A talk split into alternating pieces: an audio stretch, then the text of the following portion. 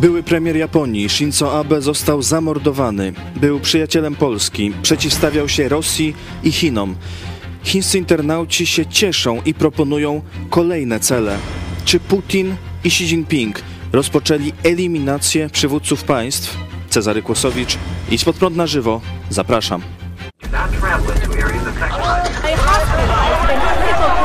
Jesteśmy przestępcami.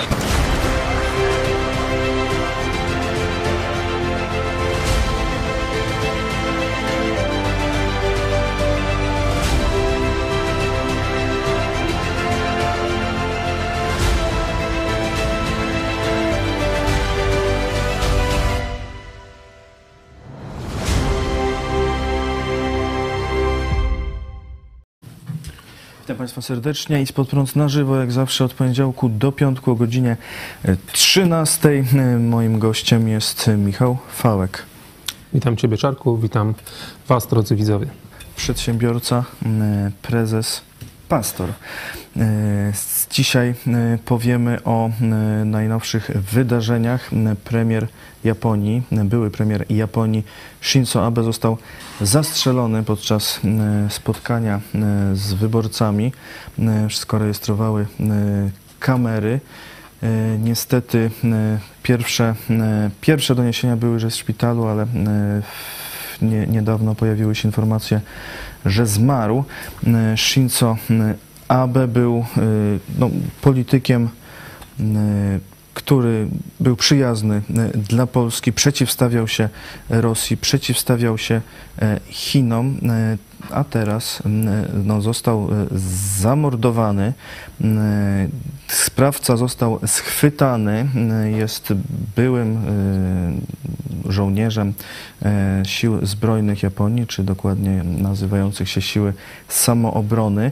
E, Nie wiadomo jeszcze oficjalnie, jaki był motyw, e, natomiast można się domyślać po tym, po pierwsze, kto korzysta, a po drugie, kto się cieszy. Mm, A cieszą się chińscy internauci, Rosyjscy zapewne też. I to bardzo e, wysyłają e, gratulacje, tam mówią o otwieraniu e, szampana i wskazują na kolejne cele, że e, może teraz by ch, chcieliby, życzyliby sobie, by kolejny, by obecny japoński premier, a może koreański też, e, przywód, koreańscy, przywód, południowo-koreańscy zostali zaatakowani, natomiast e, można e, zobaczyć pewien taki ciąg, że ci e, przywódcy, e, czy to byli, ci, czy obecni, są odsuwani od władzy, którzy e, najbardziej przeszkadzali e, Chinom e, czy Rosji.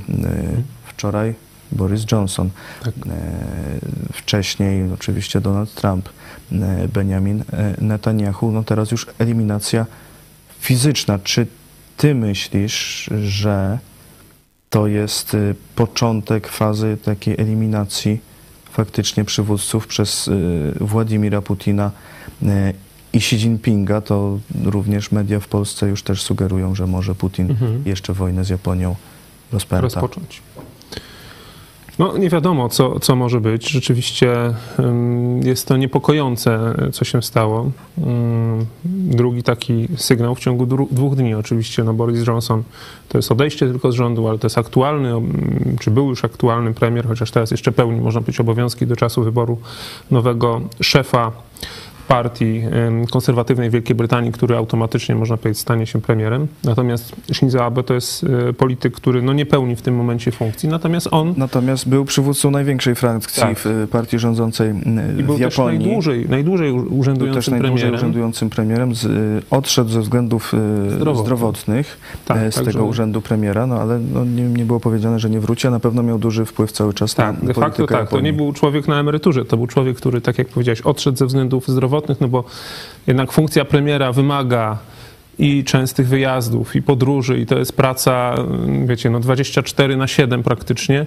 E, Jeżeli były po- powody zdrowotne, m, musiał odejść, to odszedł, ale to jest człowiek, czy był człowiek, który, który miał wpływ na e, politykę Japonii na pewno. Zresztą no, został zastrzelony, czy został postrzelony e, podczas wiecu wyborczego, czyli no, brał jednak udział w, e, w pracach czy w polityce e, tej partii konserwatywnej, która się nazywa liberalno-demokratyczną, ale jest to partia konserwatywna w Japonii. Bardzo smutna wiadomość. No, widać, że rzeczywiście, jeżeli nie wiemy, kto zlecił, nie wiemy, czy to był jakiś szaleniec, nie znamy tych motywów, ale no, kto korzysta, to co powiedziałeś, i kto się cieszy, to wiemy, tak? Rosjanie niejednokrotnie, jeszcze może nie odstrzeliwali czy nie mordowali przywódców, no ale tych, którzy, którzy byli im niewygodni, e, no to Putin morduje regularnie, można powiedzieć. Przecież ilu było, ile było przykładów morderstw politycznych, otrucia, Litwinienko, e, Skripal, prawda? To są ludzie, którzy byli mordowani na zlecenie Kremla.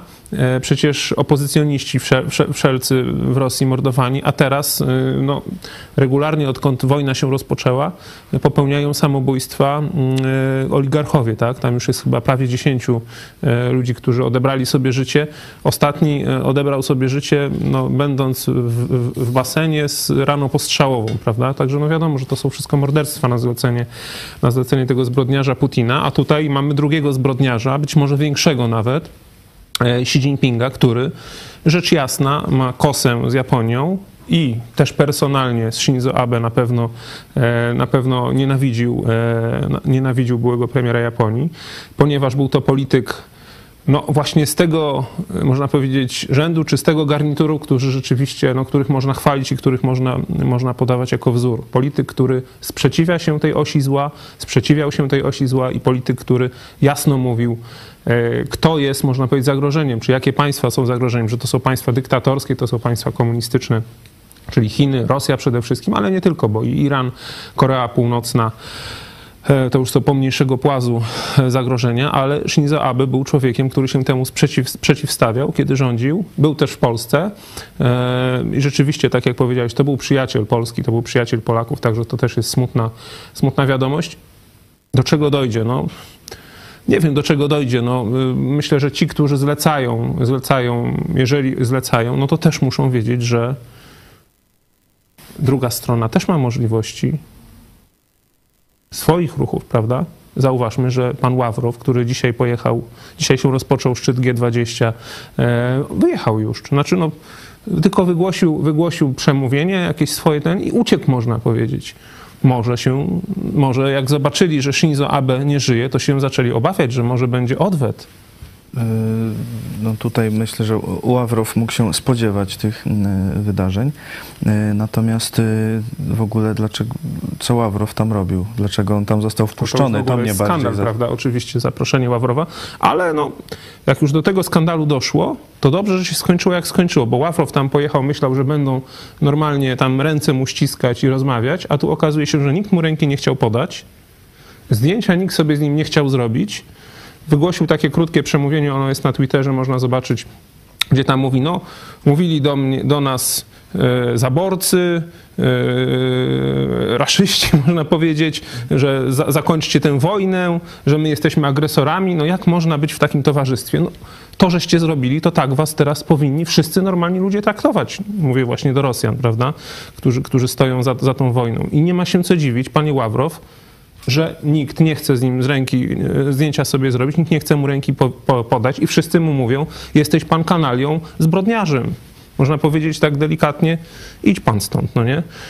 E, To dobrze, że, że, że tak się stało, że on tylko jeszcze jakąś tam rozmowę dwustronną pewnie z Chińczykami e, przeprowadzi, e, być może jeszcze z, no, z innymi swoimi sojusznikami, czy tymi krajami, które próbują wciągnąć do sojuszu, to są głównie te kraje BRICS-u, prawda? BRICS I będzie musiał- Chce dołączać Argentyna. Tak, i będzie musiał uciec do Rosji. No, ale to pokazuje ta sytuacja, że rzeczywiście świat już jest podzielony na takie dwa bloki, nie? I dzieli się na takie dwa bloki. Bloki państw ym, no, demokratycznych, powiedzmy, czy wolnościowych, które, które chcą walczyć z tą dyktaturą, no i bloki państw na pewno tych złych, ale jeszcze są, jeszcze są państwa, które się wahają, które mogą dołączyć być może i do tego złego bloku niestety. To G20 nam też pewnie o, o, o tym, o tym pokaże, bo G20 ma być po, po, poświęcone właśnie przede wszystkim temato, tematowi głodu, e, związanemu Wywołanego przez Rosję. wywołanego oczywiście przez Rosję, prawda? Także jeżeli będzie to jasno powiedziane, że to jest głód wywołany przez Rosję, że Rosja jest za to odpowiedzialna, będzie taki komunikat, no to wtedy będziemy widzieli, kto za tym komunikatem stoi, a kto się dystansuje, odcina. To już będzie też dla nas informacja, kto e, chce dołączyć albo ma myśli o dołączeniu do bloku osi zła. E, Zobaczmy, jak pastor Paweł Chojecki skomentował te dzisiejsze wydarzenia. W telewizji Idź Pod Prąd od lat ostrzegamy przed osią zła Rosja, Chiny, Korea Północna, Iran i papież Franciszek. Mówiliśmy wielokrotnie, że te państwa nie cofną się przed żadną zbrodnią. Będą działać wspólnie i w porozumieniu, będą kryć, mataczyć, ale będą też organizować zamachy terrorystyczne i mordować. Wojna przeciwko Ukrainie, e, którą rozpętała Rosja, wchodzi w fazę krytyczną. Wyczerpane są obie strony, wyczerpany jest świat. I w tym momencie Putin sięga po broń terroryzmu.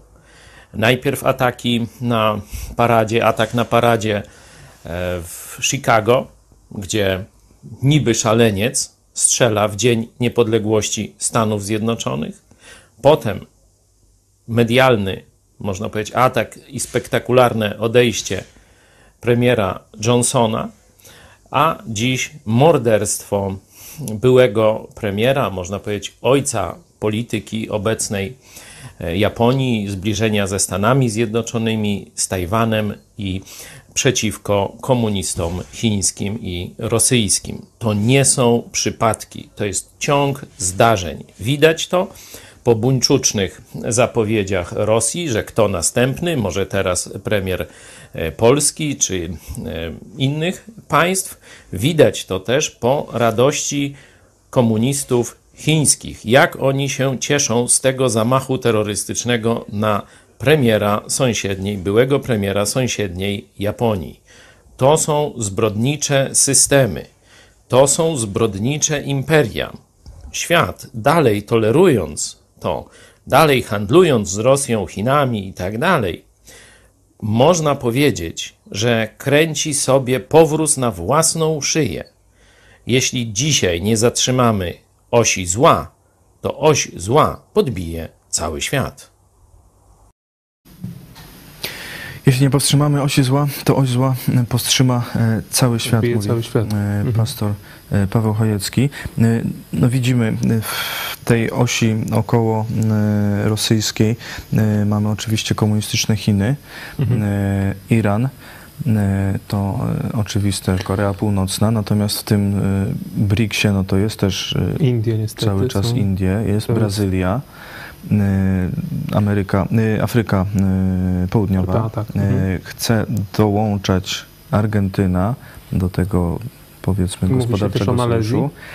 Y, Malezja też y, duży kraj. Y, No ale tu w Europie czy Niemcy w którym są? Niemcy w którym są No? Niemcy, dzisiaj, dzisiaj od, była informacja, że Niemcy odmówiły wysłania 200 transporterów opancerzonych Fuchs, których mają tam prawie 1000. No 200 nie mogą wysłać do Ukrainy, bo obniżyłoby to ich zdolności bojowe niemieckie. Yy, czyli co, spodziewają się, że Rosja jednak będzie ich atakować, że są im tak potrzebne w, Niemczech, w Berlinie te transportery, czy, czy muszą je Nie mieć wiem, czy może Francja? może, a może Niemcy muszą mieć te transportery, żeby później wysłać na rolników, którzy będą protestować zaraz niemieccy. Także wiesz, y, to pokazuje, że Niemcy to jest kraj, który dalej jest, y, można powiedzieć, okrakiem nad płotem, no nie? Że to nie jest kraj, który mimo ładnych zapowiedzi pana Scholza, że zmieniamy tutaj politykę, y, że, rzeczywiście coś dużego robi. Nie, oni do tej pory wysłali wspólnie z Holandią 12 chyba y, armatohaubic PZH 2000, tam mówi się o kolejnych sześciu i nic więcej, tak? No i te hełmy, które w końcu być może znalazły się pod, pod właściwym adresem, tak, po, po czterech miesiącach wojny. Natomiast em, Niemcy są krajem, który najbardziej był związany Rosja, Ukraińcy teraz donoszą, że y, Rosjanie tworzą nowy korpus y, bojowy niemieckim- na poligonie Mulino, który y, zbudowali Niemcy. W którym roku zbudowali Niemcy? 2000, do 2014 y, budowali oficjalnie, a potem jeszcze, no niby już były blokady, bo to były Już były sankcje po zajęciu sankcje i Krymu. tak dalej, ale tam nieoficjalnie dalej coś, coś dokładały. Czyli jak za czasów Stalina. firmy, Jak za czasów Stalina. Wojska Stalina, przypomnijmy, też ćwiczyły na poligonach. Znaczy, wojska niemieckie wojska na, poli, niemieckie, na tak, ćwiczyły poligonach tak, ale też była współpraca wtedy idealna, prawda? Niemiecko, niemiecko-radziecka wtedy. No teraz ta współpraca była. No i bardzo by Niemcy chcieli wrócić do tej współpracy. Nawet y, tam były informacje w dniu wczorajszym, tam no, komentatorzy mówią, żeby nie brać tego na poważnie, bo to jest jakiś taki poseł y, niemiecki, który tam no, nie ma znaczenia i tak dalej, ale były już informacje, że no, trzeba wrócić do handlu z, ten, trzeba wrócić, żeby Nord Stream 2 zaczął funkcjonować, bo przecież nie może być tak, że niemiecka gospodarka będzie się źle miała poprzez to, że będą wysokie ceny gazu i że tego gazu zabraknie na przykład. Tak? Także widać, że Niemcy to jest kraj, który no naprawdę smutne to jest, że w ogóle nie wyciąga wniosków i dalej traktuje innych paternalistycznie, dalej tylko myśli o swoich interesach, tak? Na przykład Niemcy zwracają się o pomoc teraz do krajów innych, żeby na przykład do Polski, do różnych krajów tutaj Europy Wschodniej, żeby ich pomóc wysyłać im gaz, tak? Kiedy im gazu zabraknie.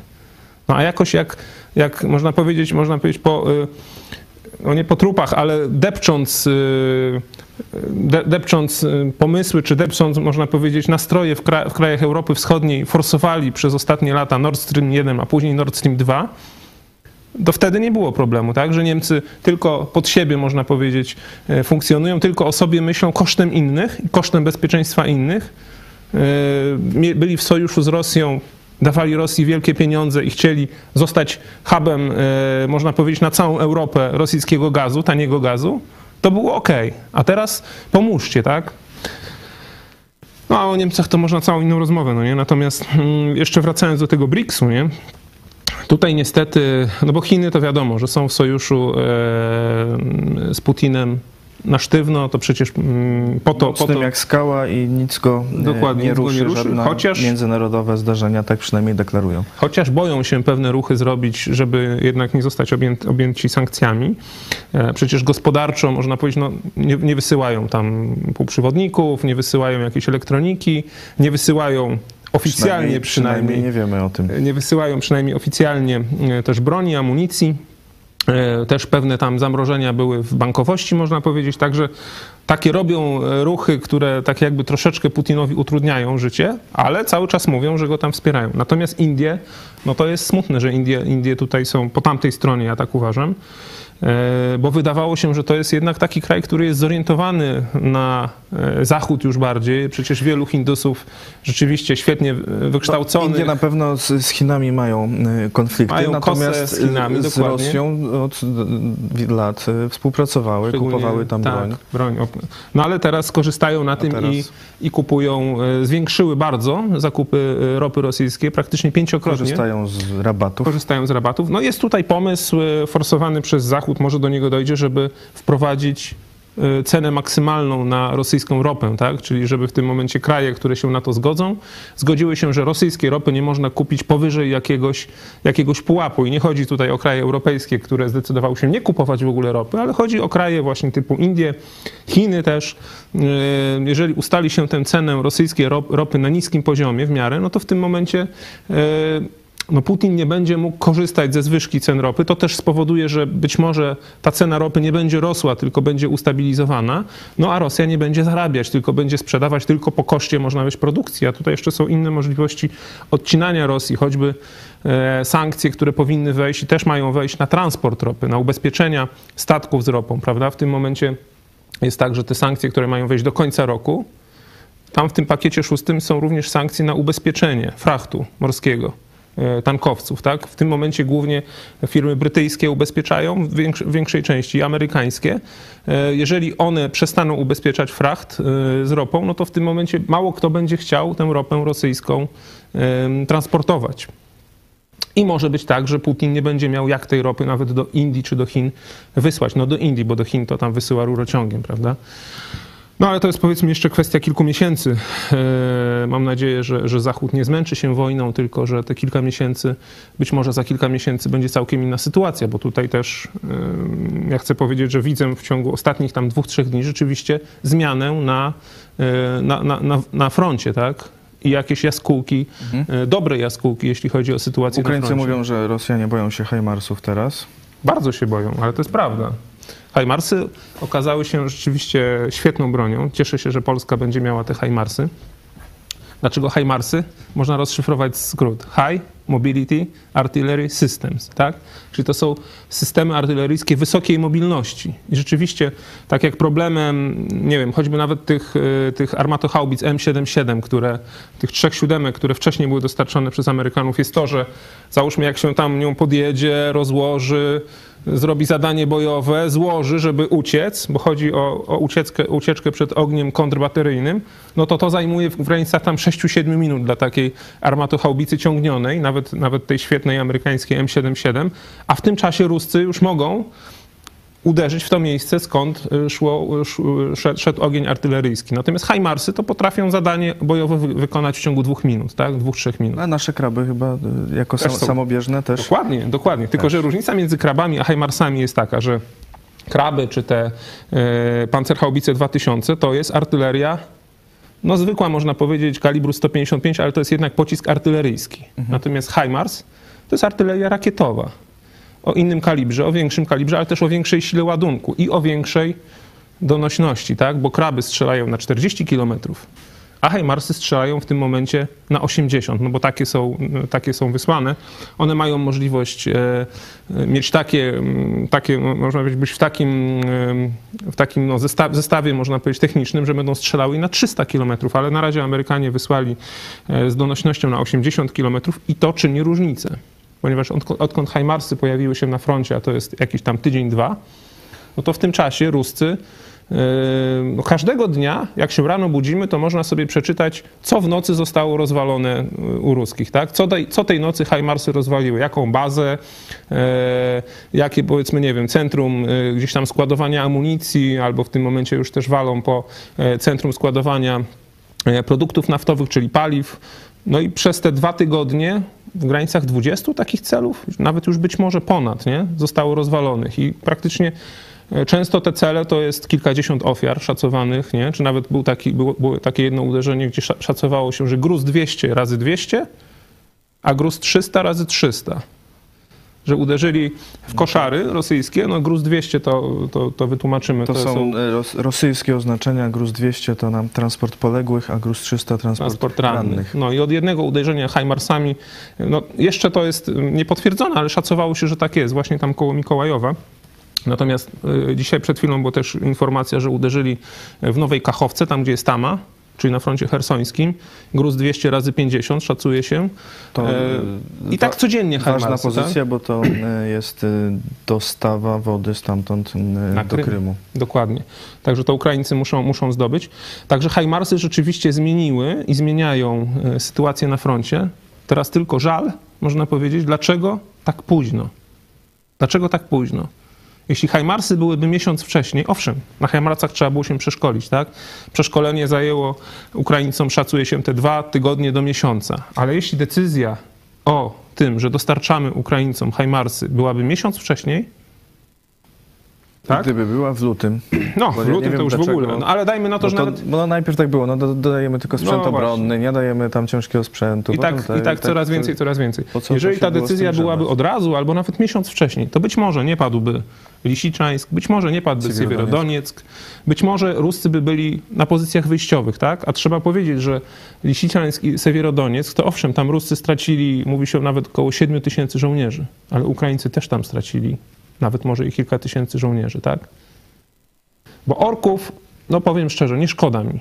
Chcą iść na tę wojnę, Putin ich wysłał, to jest wojna, tak? Ich powinno zginąć jak najwięcej, żeby jak najmniejsze mieli możliwości gwałcenia, rabowania i mordowania. Jak ich zginie, im więcej ich tam zginie, tym można powiedzieć lepiej dla wolnego świata. Smutne to jest, że tam giną żołnierze, Yy, no, na tym polega wojna, ale no, oni na tę wojnę się wybrali, oni tę wojnę prowadzą. Yy, To nie jest sprawiedliwa wojna, to jest zła wojna. musi ich tam zginąć jak najwięcej, żeby się opamiętali, żeby się wycofali, żeby jak największe straty ponieśli, żeby przegrali, krótko mówiąc, tę wojnę. Ale każdy y, ukraiński żołnierz, który ginie w obronie swojej ojczyzny, to jest wielka strata. I teraz to, że y, Lisiczańsk padł, Sywierodonieck padł i tam zginęło, nawet ostatnio była informacja, że zginął dowódca batalionu białoruskiego Brest, on się nazywał, prawda, miał pseudonim od, od białoruskiego miasta Brześć. Um, człowiek, który gdzieś tam był na filmach, jak składali przysięgę i tak dalej. No, no można powiedzieć, wojownik, który oddał swoje życie Białorusinin, oddał swoje życie za wolną Ukrainę. Przecież gdyby Hajmarsy, były miesiąc wcześniej, być może on i setka, tysiąc czy dwa tysiące innych nie straciłoby życia. Ludzi, którzy bronią, bronią wolnej Ukrainy. I bronią też przez to Polski, Białorusi, Europy, nawet tych Niemiec. No a Niemcy e, nie chcą dać Ukraińcom broni, żeby bronili także Niemców, tylko e, no, nie, mówią, że się sami e, jakoś tu będą bronić, czyli zakładają, że że to dojdzie do nich, czy, czy nie wiem. No wiadomo, że to jest po prostu jakaś wymówka, taka, taki frazes, żeby tylko nie pomóc. Tu jest bardzo ciekawa rzecz, bo mówi się, mm, no też takie informacje dochodzą. Wiadomo, te informacje nie są, nie są jeszcze potwierdzone, być może nie, nie, nie dojrzymy ich nigdy, no ale warto o tym powiedzieć i zastanowić się, czy to nie jest prawdą.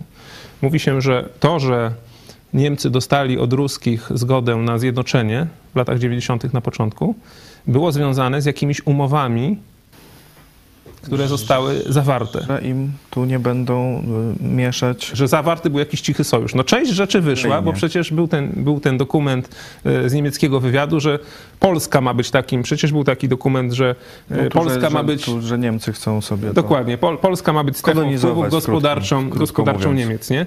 Czyli widać, że oni jednak mieli z ruskimi pewne, pewne dogadania, tak? No i być może oni teraz realizują dalej te, to, to dogadanie z ruskimi. Czyli no, jak był... Widzieliśmy to w, w, polityce międzynarodowej i gospodarczej. No, emanacją tego były dwa e, gazociągi Nord Stream, Nord Stream 2. E, no to wiadomo, że to nie była taka, taka o sobie umowa, no bo budowa Dokładnie gazociągów tak. i to dwóch.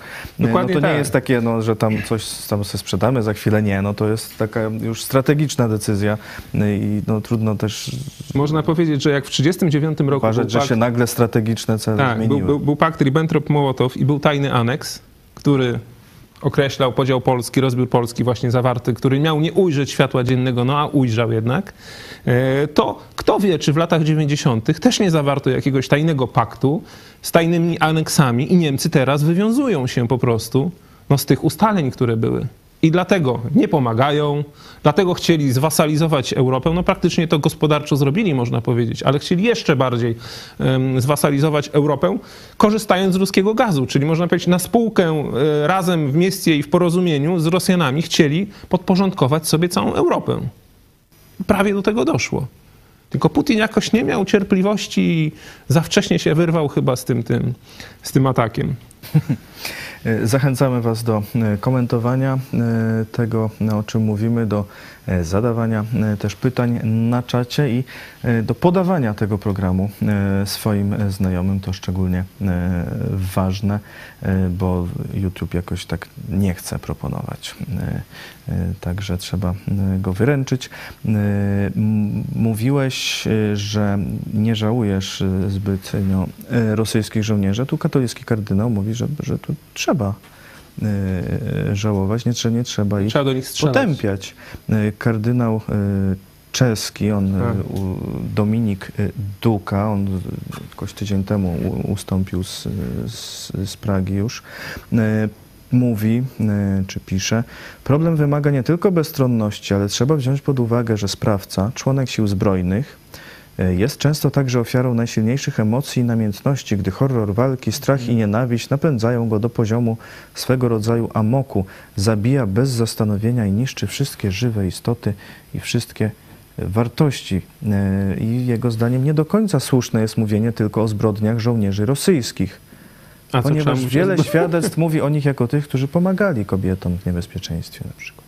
Na pewno zdarzyły się tam jednostki i są takie świadectwa. Nawet, nawet świadectwa, ja czytałem wiele, wiele świadectw ludzi, którzy gdzieś tam w Buczy byli i tak dalej. To były świadectwa takie, że trafił się rosyjski oficer na przykład, który pomógł, tak?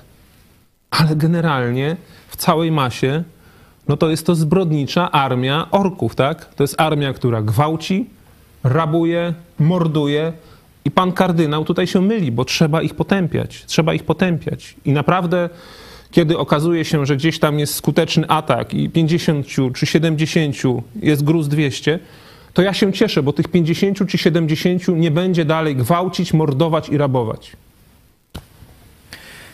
I nie spotkamy ich też na granicy naszej. Dokładnie tak. E, Wróćmy jeszcze do e, e, mm, zamordowanego premiera Shinzo Abe. Tam znaleziono broń, która jest prawdopodobnie jakąś taką samoróbką, tam obklejone taśmą Mhm. lufy. No w Japonii dostęp do broni jest dość mocno ograniczony, więc być może dlatego. Tajwańczycy na przykład już donoszą, że jakieś związki e, z Chinami gdzieś e, znaleźli e, tego sprawcy. To był Mhm. 41-letni e, niegdyś żołnierz czy funkcjonariusz japońskich sił samoobrony. No, Shinzo Abe był premierem najdłużej, tak jak mówiłeś, dwukrotnie nawet, Tak. bo w 2006-2007 i potem od 2012 do 2020 roku też z, z rodziną takich y, dobrych politycznych tradycjach, bo jego ojciec był e, ministrem spraw zagranicznych, y, jego dziadek był też premierem Japonii jeszcze w latach Mhm. 50. Y, Także no, to jest duża strata. Y, Czy myślisz, że to pójdzie dalej? Że tak jak chińscy internauci, no, którzy wiadomo, że są inspirowani przez, y, no bo tam jest cenzura, to, to co się, y, to co przechodzi, to, y, no, to jest taki, można to odczytywać jako komunikat zgodny z tym, co, Mhm. co rząd Chin, komunistyczny rząd, czy sam Xi Jinping oczekuje, no, sugerują następnych. Oczywiście, że może to pójść dalej, tym bardziej, że mm, no mamy po jednej stronie państwa naprawdę no, reprezentujące tak jakby y, zło w czystej postaci. To, co Rosjanie robią, to, co mówią, przecież grożą całemu światu uni- unicestwieniem nuklearnym, prawda? Y, Też nawołuje, Miedwiediew nieraz nawoływał, żeby tutaj następnego załatwić, że tutaj pójdziemy po was, że was zniszczymy, zamordujemy, że zetrzemy y, z powierzchni ziemi Londyn i tak dalej. No to jeżeli oni No nawołują... teraz mówię w ogóle, o, że cały świat jest za, za, zagrożony, jak No właśnie. tutaj się będzie Rosja coś się jeżeli zaczepiać. rosyjscy politycy... Ale też y, mówił po Johnsonie, że następny może Kaczyński. No właśnie, czyli jeżeli... Czy w sensie, że następna Polska. Nie, nie mówił, że Kaczyński, tylko że następna Jeżeli, Polska. jeżeli rosyjscy politycy, którzy są no, w jednej drużynie z Chińczykami, tak, jeżeli oni e, już w tym momencie werbalnie mm, wzywają do zniszczenia wszystkich, którzy są przeciwko nim, tak, czyli do zniszczenia całego świata i nie jest to jakimś, nie wiem, tabu powiedzieć, że e, dobrze by było, żeby e, zginął i tak dalej. No, przy, przypomnijmy, prezydent Biden, jak był w Polsce, to powiedział, że Putin jest rzeźnikiem, no i że powinien utracić władzę, tak? Później tam jego urzędnicy tłumaczyli, że to nie znaczy, że Stany Zjednoczone będą prowadziły, czy starały się pozbawić Putina władzę, tak? Ale ja uważam, że no, postawa świata wolnego to powinna być taka, że jak tylko pan Ławrow, czy pan Putin, zbrodniarze Ławrow, Putin, bo Ławrow to jest Ribbentrop, znaczy nie Ribbentrop, to jest Goebbels ów, ówczesny, prawda? A Putin to jest Hitler um, z tamtych lat 30. Jeżeli tylko oni by się pojawili gdzieś, to powinni być od razu skuci i do Norymbergi na proces. I dostać tam czapę. No nie, nie, żeby ich zamordować na ulicy. To nie o to chodzi. Tylko trzeba im wymierzyć sprawiedliwość. Czyli do Norymbergi czapę, sznur i po prostu powiesić ich, bo to są zbrodniarze, którzy powinni zapłacić karą śmierci za to, co zrobili. Za te morderstwa tysięcy już Ukraińców. To po prostu należy im się słuszna i sprawiedliwa kara śmierci. Ale to nie znaczy, że należy ich zabić poprzez zamach na ulicy. No ale kara im się należy i powinni odpowiedzieć za to, co zrobili. A są zbrodniarzami. Pan Putin, pan Miedwiediew, pan Ławrow, pan Pieskow, no właśnie ci wszyscy przywódcy Rosji, prawda? No tylko, że świat ma za krótkie ręce, żeby, żeby i za mało odwagi, jak widać, żeby to wykonać. Ręce by pewnie miał, tylko e, nie chce ich e, użyć w pełni. E, Zimny pisze, jeśli można zrobić to, co w Smoleńsku, to można też zrobić to, co dzisiaj. Czas Oczywiście. na wyraźniejsze żądanie głowy Putina. No, E, To, co mówiłeś, że wcześniej nie było, e, że były, nie było zamachów na przywódców państw, no ten był. Tak, tak, to już jest. No może nie urzędujący, ale były, ale to jest, jeżeli... Nie, nie, mówię Smoleńsk. A, o Smoleńsk, tak, oczywiście. Ja uważam, że to był zamach, prawda? My tak uważamy tutaj. E, Pół Polski uważa, że to nie był zamach, no ale jednak, jak widać, oni są do tego zdolni. Czyli jeżeli są do tego zdolni, mieli Była motyw, próba otrucia Wiktora Juszczenki. tak, mieli motyw, bo przecież oni nienawidzili Kaczyńskiego, Putin nienawidził, bo Kaczyński uniemożliwił mu zajęcie Gruzji w 2008 roku, jadąc tam z innymi przywódcami, tutaj głównie właśnie z krajów nadbałtyckich, jadąc do Gruzji, no to w tym momencie no, uniemożliwił mu jednak dokonanie pełnej aneksji Gruzji. I on cały czas, Lech Kaczyński mówił e, prawdę o Putinie, mówił kim jest Putin, tak? Putin go nienawidził, trafiła mu się okazja. No i no jak, jak łączymy te fakty, mamy same silne poszlaki, no to co? Mówienie, że to jest zamach, to jest jakimś cho- chore, czy jakieś, wiecie, no, z, z czapy wymyślone? No nie, jeżeli widzę, e, że, że 8 czy 9 rzeczy wskazuje na prawdopodobieństwo tego, no to nawet rachunek prawdopodobieństwa, tak? Log- Logika wskazuje, że wysoce prawdopodobne jest to, że to był zamach. Dało się to zrobić, było u ruskich. Później wszystko zrobili, żeby zatrzeć ślady. Wrak, e, wrak wiecie, od razu został y, pocięty, zakopany, wszystko tego. No to zacierają ślady, mog- mogą to zrobić. E, Śledztwa nie przeprowadzono tak, jak powinno być przeprowadzone. Niestety tutaj polskie władze bardzo się do tego przyczyniły, do tego, że, że, że to jest niewyjaśnione, władza Donalda Tuska. Myślę, że on nie brał udziału, ale został, można powiedzieć, wykorzystany przez Putina i nic z tym nie zrobił. Nie, no bo to jest tak, umawiasz się ze złym człowiekiem, ze zbrodniarzem, że no zrobimy psikusa Kaczyńskiemu, a później okazuje się, że zbrodniarz nie zrobił psikusa, tylko zamordował. Ha, i co w tym momencie, tak? Mhm. No i teraz, no dobra, pozwolimy zbrodniarzowi zatrzeć ślady, żeby się nie okazało, że ja się z nim umówiłem, żeby zrobił psikusa Kaczyńskiemu. Może tak było. No taka teoria spiskowa, powiedzmy moja. E, Redaktor Hanna Shen, nasza korespondentka z Tajwanu, pisze na Twitterze e, o Shinzo Abe. Był wielkim przyjacielem Tajwanu i Polski. Budował silny sojusz z, ze Stanami Zjednoczonymi i bardzo dobrze rozumiał zagrożenie ze strony Chin. E, Faktycznie nawet teraz, kiedy już nie był premierem, to wypowiadał się w obronie Tajwanu i mówił, że w razie chińskiego ataku to Japonia zareaguje. Tak. No a teraz w niedzielę wybory parlamentarne w Japonii. Nie było wykluczone, że, że je wygra, że, że, że zostanie na przykład znowu jednak premierem. Nie wiem, jak, jak jego Myślę, samopoczucie, że- czy się poprawiło e, wcześniej, które było powodem rezygnacji. Mhm.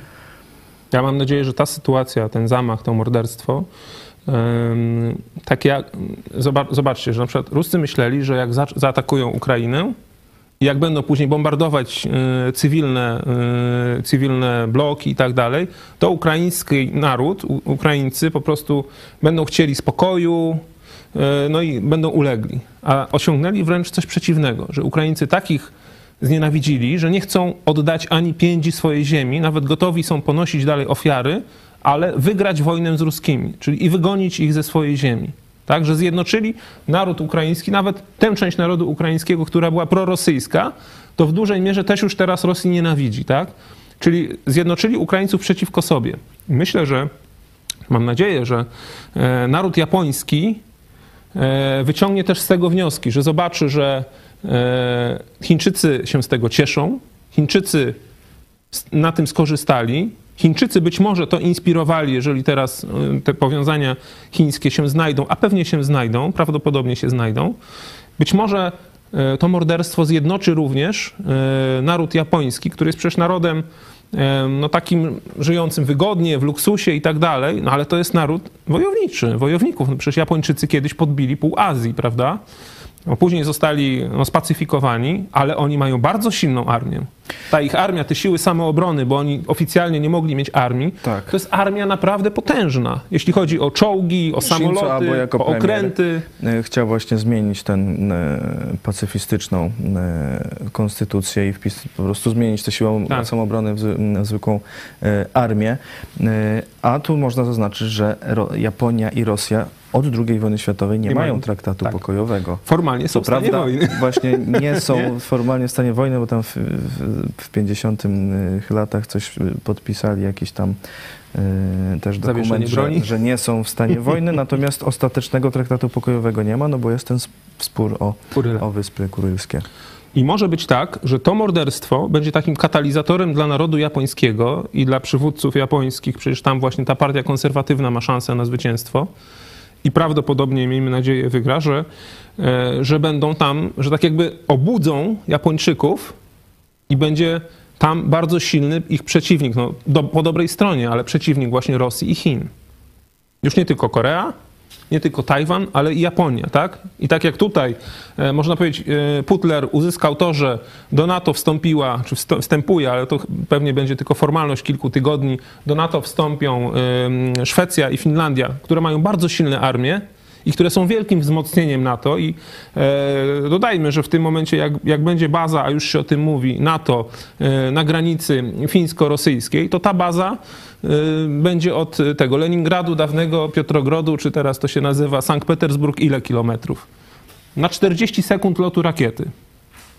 Tak? A może już artylerią trzeba będzie nawet. Artylerią raczej chyba jeszcze nie, ale na 40 sekund lotu rakiety będzie zagrożony e, Sankt Petersburg e, natowskimi pociskami. Także to osiągnął Putler, że tutaj będzie miał NATO wzmocnione, a Chińczyk być może osiągnie to, że Daleki Wschód będzie wzmocniony i że tam Japonia zrezygnuje właśnie z doktryny, e, można powiedzieć, pacyfistycznej, czy nie angażowania się w konflikty, i mając silną armię, będzie tam silnym naprawdę e, takim członkiem sojuszu dobra, właśnie razem z Koreą i z Tajwanem przeciwko Chi- Chinom, tak?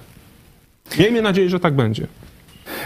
Eli Barbur, y, nasz korespondent w Tel Awiwie, w Izraelu, z kolei y, pisze, że Shinzo Abe w swoim czasie należał do grona konserwatywnych przywódców współpracujących z Donaldem Trumpem w wysiłkach mających doprowadzić do utworzenia światowej koalicji zachodniej, mającej blokować ekspansję komuszych reżimów totalitarnych. Pan Eli Barbur pewnie dużo lepiej wie, co się dzieje w Izraelu niż my, ale e, można my możemy powiedzieć o kilku sprawach. Wkrótce będzie wizyta w Izraelu, nie wiem, czy aż prezydenta Bidena, czy tylko sekretarza Blinkena. W każdym razie ma być wkrótce wizyta w Izraelu kogoś wysoko postawionego, postawionego w administracji amerykańskiej. Ruscy boją się, że ta wizyta zaowocuje zmianą nastawienia Izraela w stosunku do wojny w Ukrainie.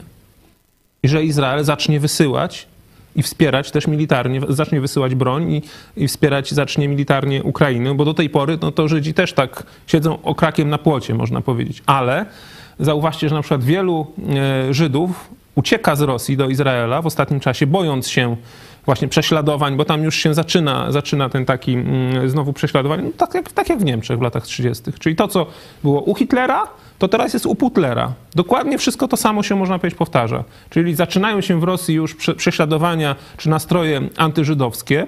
Żydzi widząc to zaczynają uciekać do Izraela, coraz więcej ich ucieka. No i może, może być tak, że zmiana nastąpi też w polityce Izraela wobec Rosji. I to by była dobra zmiana, bo Izrael jest też kolejnym silnym państwem. Czyli jeżeli Japonia by na ostro się zwróciła przeciwko Chinom i Rosji, Izrael by też dołączył do tego sojuszu państw Zachodu, no tam o Niemcach nie mówimy, bo oni przecież mają słabą armię, muszą mieć te 200 swoich tych y, transporterów, żeby bronić, żeby bronić się przed tymi, przed rolnikami na traktorach.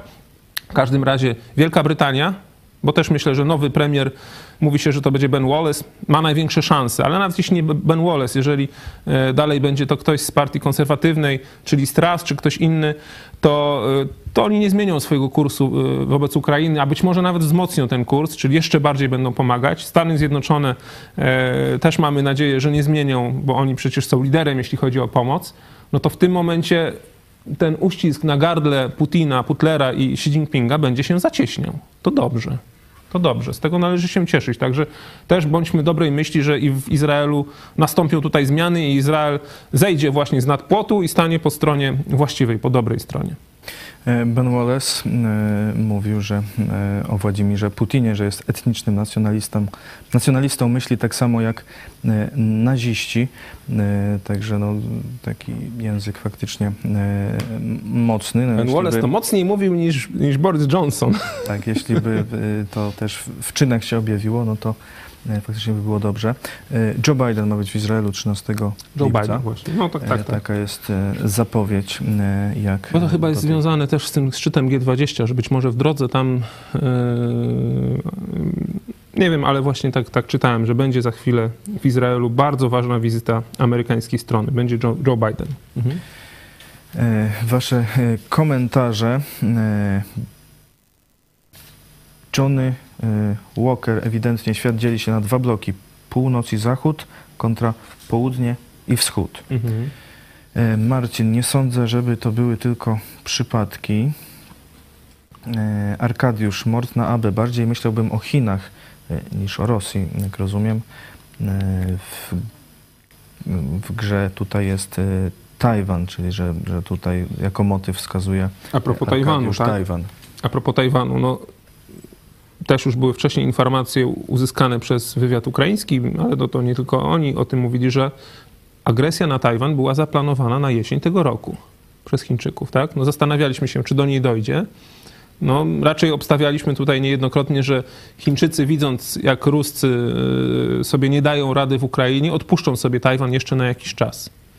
No ale kto wie, co tam w tym, tym łbie komunistycznym się tam, się tam ulegnie. No, wygląda na to, że Xi Jinping jest bardziej racjonalny niż Putler, tak? czyli prawdopodobnie jednak rzeczywiście nie uderzy na Tajwan w tym roku, ale zapewne nie zrezygnuje z tych zamiarów. Jeżeli nie w tym roku, no to mówi się, że Chińczycy uzyskają zdolność bojową do tego, żeby się przeciwstawić blo- blok, blokowi zachodniemu w 2025-2026 najpóźniej. Czyli ta wojna i tak prawdopodobnie będzie niestety.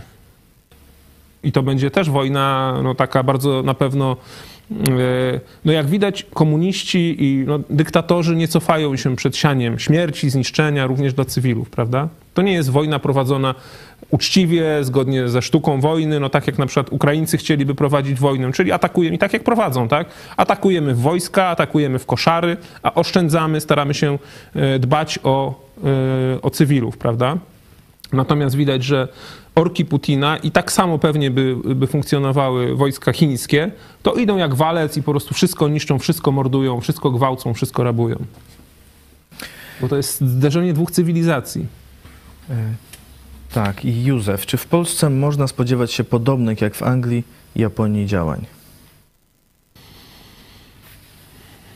No, Miedwiediew zapowiadał, że No. Y, chętnie by tu może następna była Polska. no w Polsce jest wielu agentów wpływu rosyjskich. No nawet wczorajsze głosowanie e, za przyjęciem Szwecji i Finlandii do NATO to pokazało. Nie było jednomyślne, mimo iż tak no, w komunikatach mówi, że jednomyślne, jednomyślne. No nie, no Nie, no, po Przeciwko prostu- Finlandii zagłosował pan Winnicki. Później tłumaczył, że się pomylił. I A wstrzymał się. Wstrzymał się pan Braun. No to jeżeli. Znaczy, dlaczego się wstrzymał? No ja wiem, dlaczego się wstrzymał. Czy tam przypuszczam, że tak, dlatego się wstrzymał. No bo no jak mógłby spojrzeć w oczy swoim mocodawcom z Kremla, kiedy by zagłosował za? No przecież chyba by mu, nie wiem, przestali płacić, albo może by też wysłali tych z KGB, żeby go otruć i tak dalej. No, ma swoich mocodawców i realizuje to, co mu każą. No, nie możesz zagłosować za, no przynajmniej się wstrzymaj. No dobra, to się wstrzymam.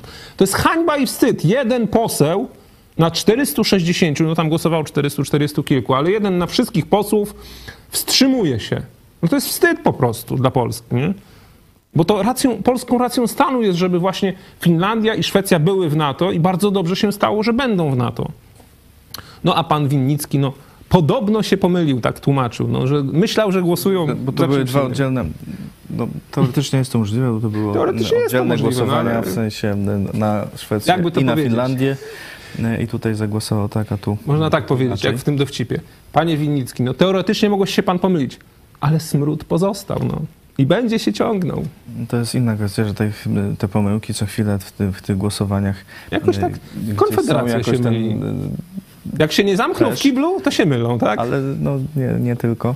Yy, także no, no to jest też kwestia yy, sposobu w ogóle całego funkcjonowania Sejmu, który jest absurdalny. No ale zobacz, Moim Czarku, zdaniem ja się zdziwiłem, że Korwin-Mikke zagłosował No, za. to, no, to rzeczywiście też ja się Myślałem, zdziwiłem, że bo może jak, będzie wśród tych nieobecnych, ale... no ja też myślałem, że jak... y, A może jak on się pomylił? Jak usłyszałem, dwa razy. no, oni się mylą cały czas. No, ale zobacz, kto się, kto się pomylił? No poseł z Konfederacji i to jeden z ważniejszych. Jakoś nie pomylił się nikt z PiSu, ani z Platformy się nie pomylił, ani nawet z PSL-u się nie pomylili, ale Winnicki się pomylił. Tak. Hmm. Y, Chociaż kilka osób w PiSie było y, jakoś nieobe- nie głosowało, czy było No właśnie, nieobecnych. No. lepiej już w takim, jeżeli powiedzmy, nie wiem, sumienie ci nie pozwala, panie pośle, zagłosować za przyjęciem Szwecji i Finlandii. A naprawdę to, że będzie to jednomyślne, to to jest duży wydźwięk i to jest, można powiedzieć, chluba byłaby dla Polski. To lepiej nie pójść na to głosowanie, lepiej zamknąć się w kiblu i powiedzieć, że no zamknąłem się w kiblu i nie mogłem wyjść, jak to nieraz posłowie mówią. Trzeba było tak zrobić, panie Winnicki. Jak nie potrafisz pan głosować, to trzeba było w kiblu siedzieć w tym czasie. Johnny Walker, Niemcy znalazły się w potrzasku uzależniając się od ruskiego gazu i ropy, dlatego są nieprzewidywalne. Albo właśnie przewidywalne. Póki co są przewidywalne, acz, aczkolwiek no, e, opowieści cały czas są, że do końca roku już tam Niemcy zrezygnują, bo przecież tym bardziej, że takie są przyjęte sankcje. No ale na przykład Litwini, chwała im za to, realizując sankcje, odcinają e, Kaliningrad od e, tranzytu pewnych, pewnych dóbr materialnych. No i co Nawet się na robi? negocjacje ze strony Niemiec, żeby może jednak przywrócić. No i co się nie właśnie reagują. robi? No nie reagują, ale kto negocjuje, kto ich ciśnie, żeby przywrócić? No Niemcy. No Niemcy, no. No Niemcy, no. Ale zaraz, zaraz teraz gospodarczo można powiedzieć o Niemcach, nie? Niedawno była informacja, kilka dni temu, że Niemcy po raz pierwszy od 91 roku, czyli od czasu zjednoczenia Niemiec, do 92, no ale to jest ten sam czas, czyli po raz pierwszy od 30 lat mają miesięczny bilans negatywny handlu zagranicznego.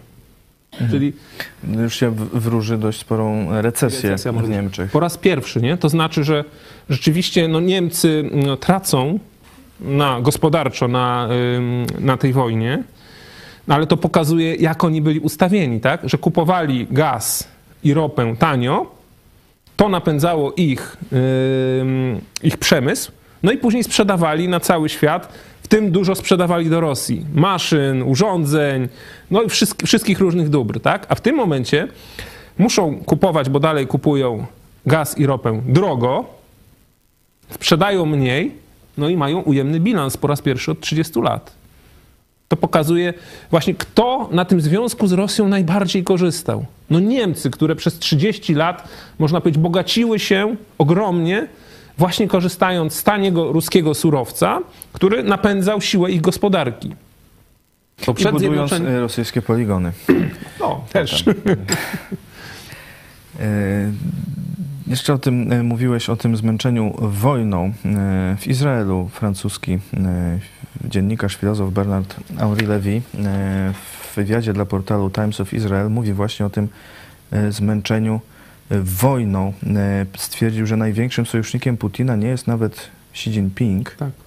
e, który nawet nie jest w stanie mu dostarczyć części do czołgów, e, ale największym sojusznikiem Putina jest znużenie Europy i znużenie Ameryki. Dlatego tak ważne było, żeby jak najszybciej dostarczać Ukraińcom dużo broni, żeby jak najszybciej mogli tę wojnę wygrać. A to, że nie było transfuzji, można powiedzieć, tylko kroplówka i takie kapanie, nie?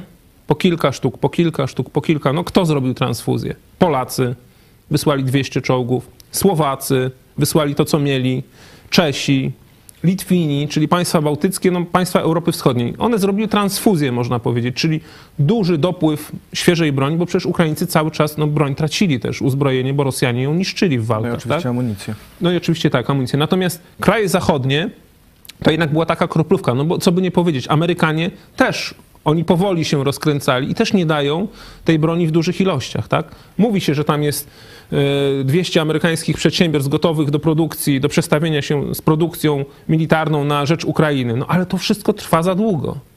To powinno być, już jesteśmy spóźnieni o 2-3 miesiące. To powinno być zrobione tak, jak jest artykuł 5 NATO, tak? On, on zakłada ile czasu na, na, yy, na reakcję?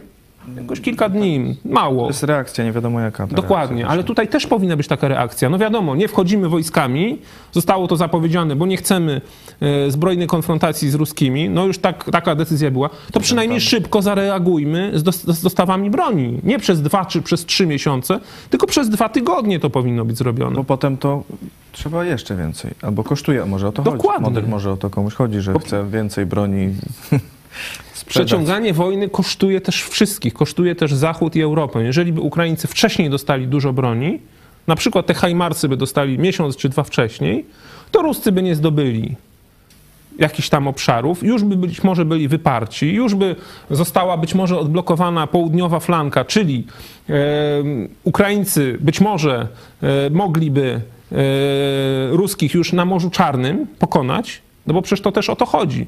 Wtedy byłby odblokowany szybciej transport zbóż, nie byłoby problemów e, z głodem na świecie. No, naprawdę tutaj nie ma co zwlekać. A ten, kto zwleka, a w tym są mistrzami Niemcy, no to widać, że jednak idzie na rękę Rosjanom.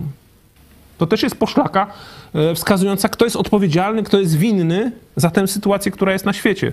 Za drożyznę, za inflację, za głód. No współodpowiedzialni w jakimś sensie są ci, którzy osłabiają ukraińskie zdolności obrony albo nie wspierają ich tak, jakby mogli wesprzeć.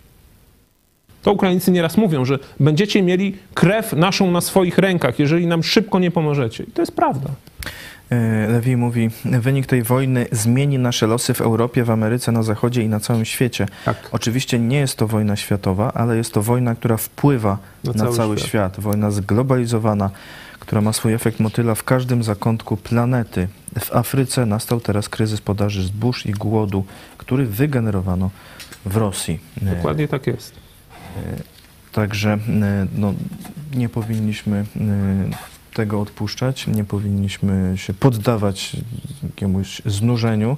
E, Tym bardziej, że widzimy, że e, kolejne akordy tej wojny e, są choćby, no, jak dziś, w Japonii e, czy, no, te, czy, czy w innych krajach i mogą być też w Polsce. Ja powiem tak, czytałem kilka dni temu, akurat na Onecie to było e, taki scenariusz alternatywny.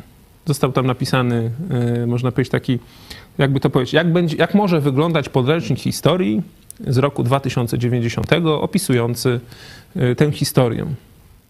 No i niestety on się kończył tak, że właśnie Zachód się znużył, że Rosjanie gdzieś tam powoli, powoli, że gdzieś tam Niemcy i Francuzi nacisnęli, żeby, e, żeby przeprowadzić rozmowy pokojowe. Putin na nie przystał, a później uderzył.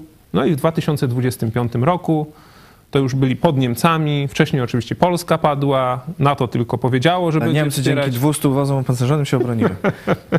Scenariusz kończył się, kiedy Rosjanie e, żądania eksterytorialne dali już Niemcom, bo już byli po Ukrainie i po Polsce w 2025 roku. Warto sobie przeczytać taki scenariusz alternatywny, co by mogło być, jeżeli teraz nie staniemy mocno do pomocy.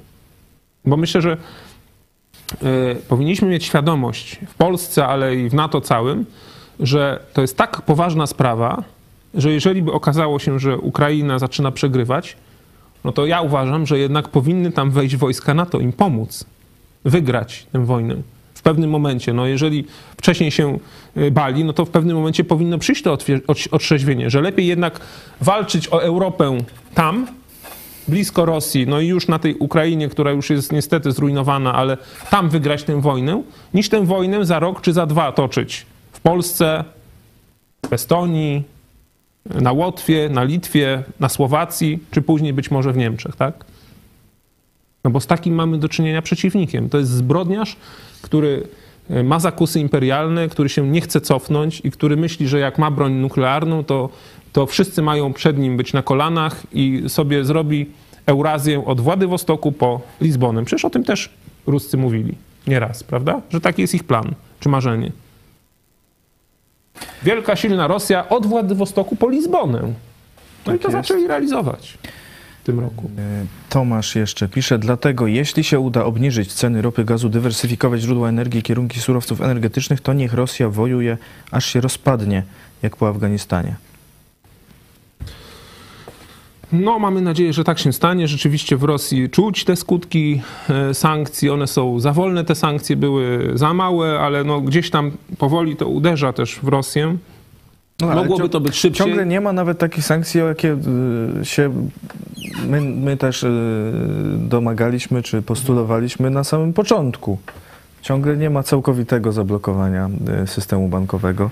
Y, Ciągle nie ma odcięcia Rosji całkowicie od, y, od, od handlu. Czy, ciągle ambasada stoi No z ambasadorem przykład, tak, w Warszawie. Tak, tak, to, to Ciągle zgadza. ruch przez granicę z, z Kaliningradem i, i z Białorusią jest. Tak, to, to te sankcje mogły być, bo na przykład sama kwestia ropy czy gazu, no nie, no też trzeba, jakby to powiedzieć, spojrzeć na to, że Rosja jest, jednak miała, zgromadziła siły na tę wojnę przez wiele lat. Była tuczona przez Niemcy, Francję, ale nie tylko przez innych. Polska też dużo okupowała, prawda, e, ropy i gazu, czyli była tuczona, uzbierała sobie zasoby, uzbierała dość amunicji, dość środków pieniężnych i oni byli gotowi na wojnę nawet i długotrwałą.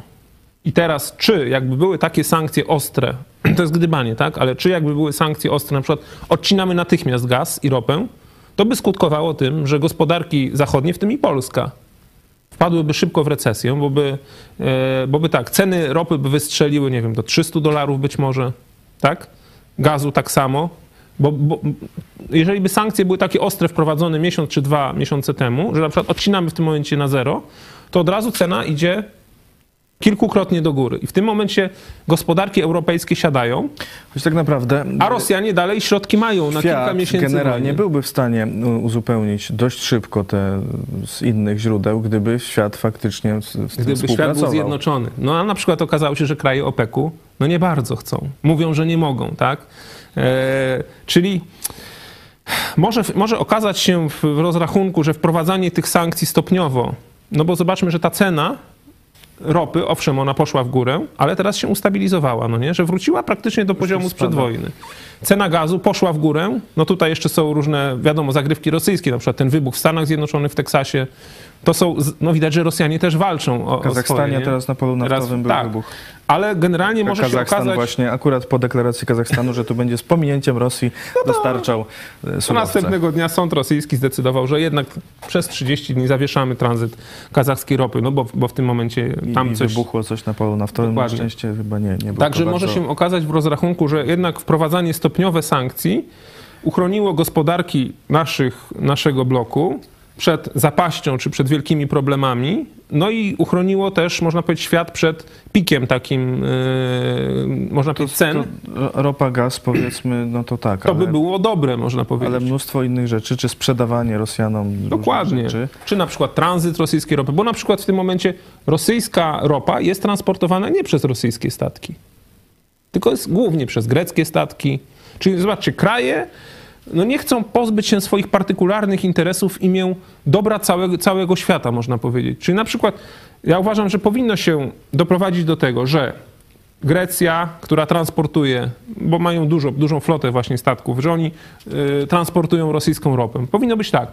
Nikt nie bierze rosyjskiej ropy. Jeżeli ponosicie jakieś straty, to nawet wam zrekompensujemy te straty, tak? Czyli powiedzmy złożymy się na to, żeby greckie firmy nie padły, ale będzie to nas mniej kosztować. No było zajęcie rosyjsk, rosyjskich No właśnie, Turcy teraz, nie? kont, majątków i tak dalej. A, Nie, myślałem, że o statku mówisz. No to byłoby z czego ewentualne Dokładnie, rekompensaty. dokładnie, czyli rekompensujemy wam jakieś straty gospodarcze, które ponosicie, ale umawiamy się, że nikt nie współpracuje gospodarczo z Rosjanami.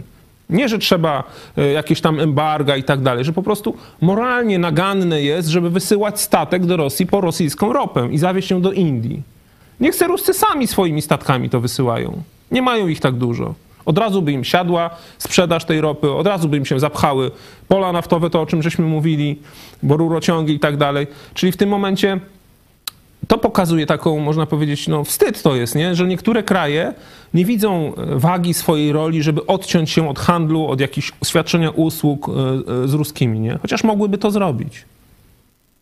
To jest problem świata.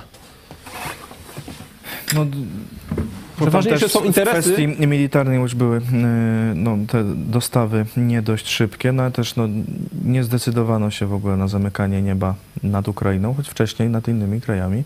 Zamknięte. Owszem. Okej. Mm, Ale zobacz, Czyścić Morze Czarne, tak. to już wody To są myślę, że spokojnie mogliby zrobić. To są wody międzynarodowe, wysyłamy tam zespół okrętów NATO i co Ruscy. Oni by się schowali.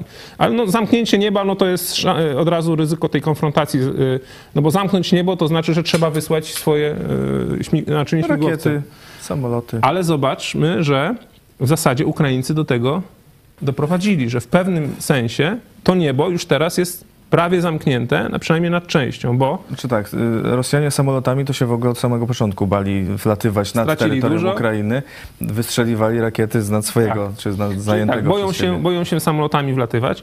E, Ukraińcy w tym momencie No już zestrzeliwują, no ale już, ale już chodzi o to, że wcześniej mieli tam 10-20% rakiet zestrzeliwali, a teraz już zdarzają się dni, że zestrzeliwują 80% rakiet. Teraz też Rosjanie zmienili taktykę i wysyłają ich więcej w jeden, w jeden punkt, to I trudniej. chodzi, chodzi mi o to, że jak można, było, jak można było zamknąć niebo nad Ukrainą? Nie decyzją administracyjną, że o, zamykamy niebo, tylko wysyłamy Ukraińcom kilka baterii patriotów, jakieś tam nasamsy, wysył, uzbrajamy ich w sprzęt przeciwlotniczy, przeciwrakietowy i sami zamkną niebo dla ruskich, dla ruskich rakiet. Bo to w tym momencie się zaczyna dziać, tak? że w momencie, kiedy Ukraińcy mają coraz więcej odpowiedniej jakości sprzętu, na przykład właśnie obrony przeciwrakietowej, to sami zamykają to niebo. No to tak Był można też było taki to moment, zrobić. żeby te mi- migi y, dać y, Ukraińcom no to. Słowacy teraz mają dać. Polacy się bali, no nie? E, Także trzeba było więcej odwagi i wcześniej to zrobić i Ukraińcy by sobie poradzili. Jakby im dać odpowiednią ilość sprzętu, to oni by sobie sami zamknęli niebo, może by sobie sami poradzili na tym, na Morzu Czarnym, tylko trzeba ich uzbroić. Hajmarsy jakby mieli wcześniej, to by sobie sami też poradzili. To, co teraz robią, radzą sobie, jak widać. Czyli niszczą po kolei te składy e, rosyjskie i paliw, i amunicji, i bazy. No to niszczą to. Niszczą to po kolei, można być metodycznie, bo oni mają koordynaty, bo jest tam ukraiński ruch oporu i on im podaje. Tutaj jest 200 orków. Chcecie, żeby jutro był gruz 200 razy 200? To proszę bardzo, macie koordynaty. Idzie salwa z Hajmarsów i nie ma tych orków, nie? Jakby to mogli mieć miesiąc, dwa albo trzy wcześniej, to by było już może pozamiatane. Zełański to mówił, że jakbyśmy mieli dwa czy trzy miesiące wcześniej odpowiednią broń, to wojna już by była wygrana. Nie byłoby problemu z głodem na świecie. No niestety, y, no, kiedy dostali harpuny, to się zaraz y, rosyjskie okręty odsunęły troszkę od brzegu. I wyspa, yy, Wyspa ta, Węży też, wyspa Węży już jest, jest- z ukraińską flagą Tak. i wyczyszczone z orków. Także faktycznie to działa. Dziś jeszcze y, zachęcamy oczywiście do wsparcia telewizji Idź Pod Prąd. Zachęcamy do subskrybowania, do podawania tego programu y, i innych, ale też do wsparcia y, finansowego. Y, Programy nasze są dostępne bezpłatnie, ale zachęcamy do dobrowolnych wpłat. Co miesiąc mamy ponad tysiąc wspierających i chcemy, by to się utrzymało także w lipcu, a na dziś mamy 220 już w lipcu wpłat, które nazywamy Gitarami. gitarami. Y, Tysiąc y, gitar chcemy, by nam zagrało. Y, Wsparcie możecie przekazać przez zwykły przelew PayPal, DotPay, Blik i Patronite. Szczegóły na stronie podprąd.pl ukośnik wsparcie. E, Za chwilę pomyśl dziś pastora Chojeckiego, co jest za ciemną doliną i kartka z kalendarza Piotra Setkowicza Powstanie Galicyjskiego Komitetu e, Rewolucyjnego. Mm, A dziś o 18 zapraszamy na rozmowę z autorem wyjątkowej książki Gregiem e, Koklem Taktyka o dyplomacji w ewangelizacji. E, Ciekawy temat, jak rozmawiać z innymi o sprawach władcy, aby przynosić korzyść jego królestwu. Bestsellerowy autor mówi o dyplomacji w ewangelizacji, a dziś e, część naszej ekipy pozdrawia właśnie e, z akcji ulotkowej w Kołobrzegu, e, skwer e, pionierów. Jeśli jesteście w Kołobrzegu, zachęcamy Was do e, pójścia tam na skwer pionierów e, do rozmowy e, z naszą e, ekipą. E, Możecie też zgłaszać się na kontakt małpa megakościół.pl. E, Zapraszamy, e, jeśli chcecie się umówić na e, bezpośredni kontakt. Dziękuję Państwu bardzo za uwagę. Naszym gościem był dziś Michał Fałek, e, 3P. Dziękuję Tobie i dziękuję Wam, drodzy widzowie. No dzisiaj taki smutny trochę temat, ale no i tak, tak to bywa w tym życiu, że niestety nie zawsze możemy sobie pożartować, czasami musi być na poważnie. Poważne rzeczy się dzieją na Ważne świecie, rzeczy więc się dzieją, zło próbuje się rozpanoszyć i stosuje złe metody, nie? No, trzeba o tym mówić. E, ale za chwilę e, pomyśl gdzieś pastora Hejskiego, co jest za ciemną doliną e, i jak przez ten ciemny czas przejść. Dziękuję Państwu bardzo, do zobaczenia.